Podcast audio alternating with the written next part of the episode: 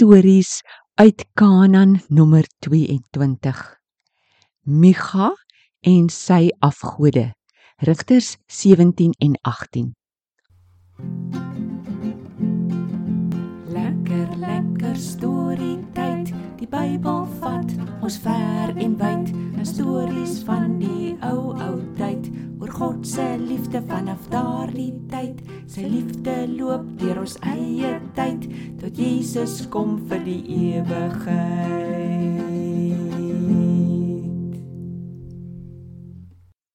Hallo julle almal. Welkom by ons storie tyd. Hallo Tobias en Mats. Tannie Karen. Ons vertel so lekker duidel stories. Maar ek het gedonder is daar mense dat anderster dinge glo as ons? Tobias, daar is beslis. Hoekom? Hoekom glo almal nie net die duidel nie? Een rede is dat ons sommer vir ons 'n eie godsdiens maak soos ons dit wil hê. Daarom is daar baie godsdienste. Selfs by mense wat weet van Jesus is daar baie godsdienste. Want mense wil eintlik nie doen wat Jesus sê nie. Tannie, is dit net mense wat nou leef dat eie godsdienste nog? Nee, Tobias. Mense doen dit al vir duisende jare.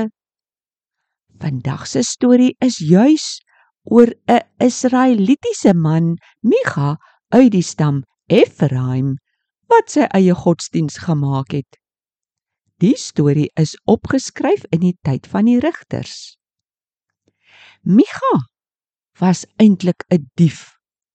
'n Dief. Regtig? Vertel. Ja, hy het 13 kg silwer by sy ma gesteel. Toe die tannie sien haar silwer is weg, sê sy: Vervloek is die silwer en die een wat dit gevat het. Micha het dit gehoor en seker groot geskrik. Hy gaan toe na sy ma toe. Ma, ek het gehoor ma vervloek die silwer. Maar moenie bekommerd wees nie. Die silwer is by my. Sy ma voel toe seker bietjie sleg en sê: Die Here sal jou seën, my seun. Ek gee nou hierdie geld vir die Here dat hy goed kan wees vir jou. Micha se ma vat toe van die silwer en laat maak 'n afgodsbeeld. 'n afgodsbeeld vir God?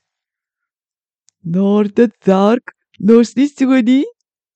Julle hier sien ons hoe maklik kan ons mense sommer ons eie ding doen. Hulle het nie die wet van God gelees wat sê hulle mag nie ander beelde maak nie. Oetsie. En toe Tannie, Die beeld kom toe in Micha se huis. Hy bou toe ook sommer sy eie tempel en laat maak nog klein beeldjies. Een van sy eie seuns word toe sy priester. Tannie, moes priesters dan nie uit Aaron se kleinkinders gekom het nie? Jy is reg, Tobias. Maar een verkeerde besluit lei tot 'n volgende een. In Micha se tyd was daar 'n jong leviet wat ander blyplek gesoek het. Hy kom toe by Micha se huis uit. Toe Micha hoor hy is 'n leviet, is hy so bly. O, wonderlik. Kom bly in my huis en wees my priester en leermeester. Ek sal jou betaal.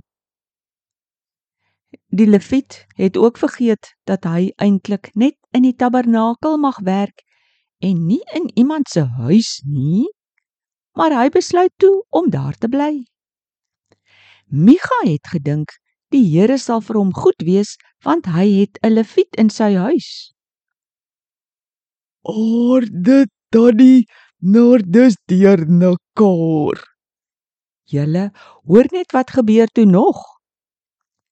Die stam van Dan het te min grond gehad want hulle het nie gedoen wat God gesê het nie. Toe dryf hulle vyande hulle van hulle eie grond af.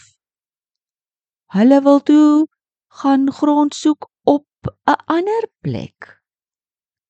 Vyf manne is gestuur om bietjie te gaan rondkyk in die land. Hulle kom toe ook by Micha se huis aan.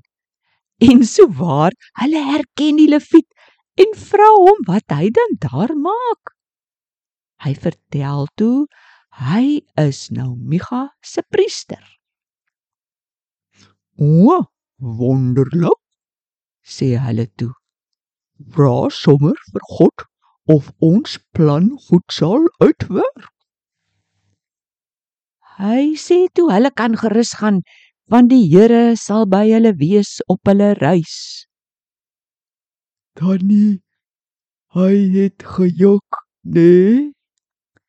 Wel, hulle het gekry wat hulle soek, maar dit beteken nie die Here het daarvoor gesorg nie. Hulle het sommer hulle eie plan gemaak. Hulle is toe daar weg en kom by mense in die noorde van die land. Die land was pragtig. Die mense was rustig. Alles was veilig. Hulle gaan toe haastig na hulle eie mense terug en vertel hulle van die mooi plek. Die volk van Dan stuur toe 600 manne met baie wapens om na die wonderlike plek toe te gaan. Ja. Nou sê hulle die grond gaan afvat. Ja. Op pad kom hulle by Micha se huis verby en draai daar af. Die vyf manne vertel toe vir die ander van Micha se beelde en priester. Die vyf manne gaan in en vat al die beelde. Die leviet wou nog weet wat gaan aan, maar hulle sê hy moet saamkom. Dis mos beter om vir hulle hele klomp 'n priester te wees as net vir een gesin. En daar gaan die leviet so waar saam. Micha kom toe agter sy God en priester is weg. Hy en sy mense gaan toe agter hulle aan en skree vir Dan hoekom hulle dan sy God en priester gesteel het. Dan se mense sê hom toe hy moenie so lawaai maak nie. Net nou val die soldate hom aan.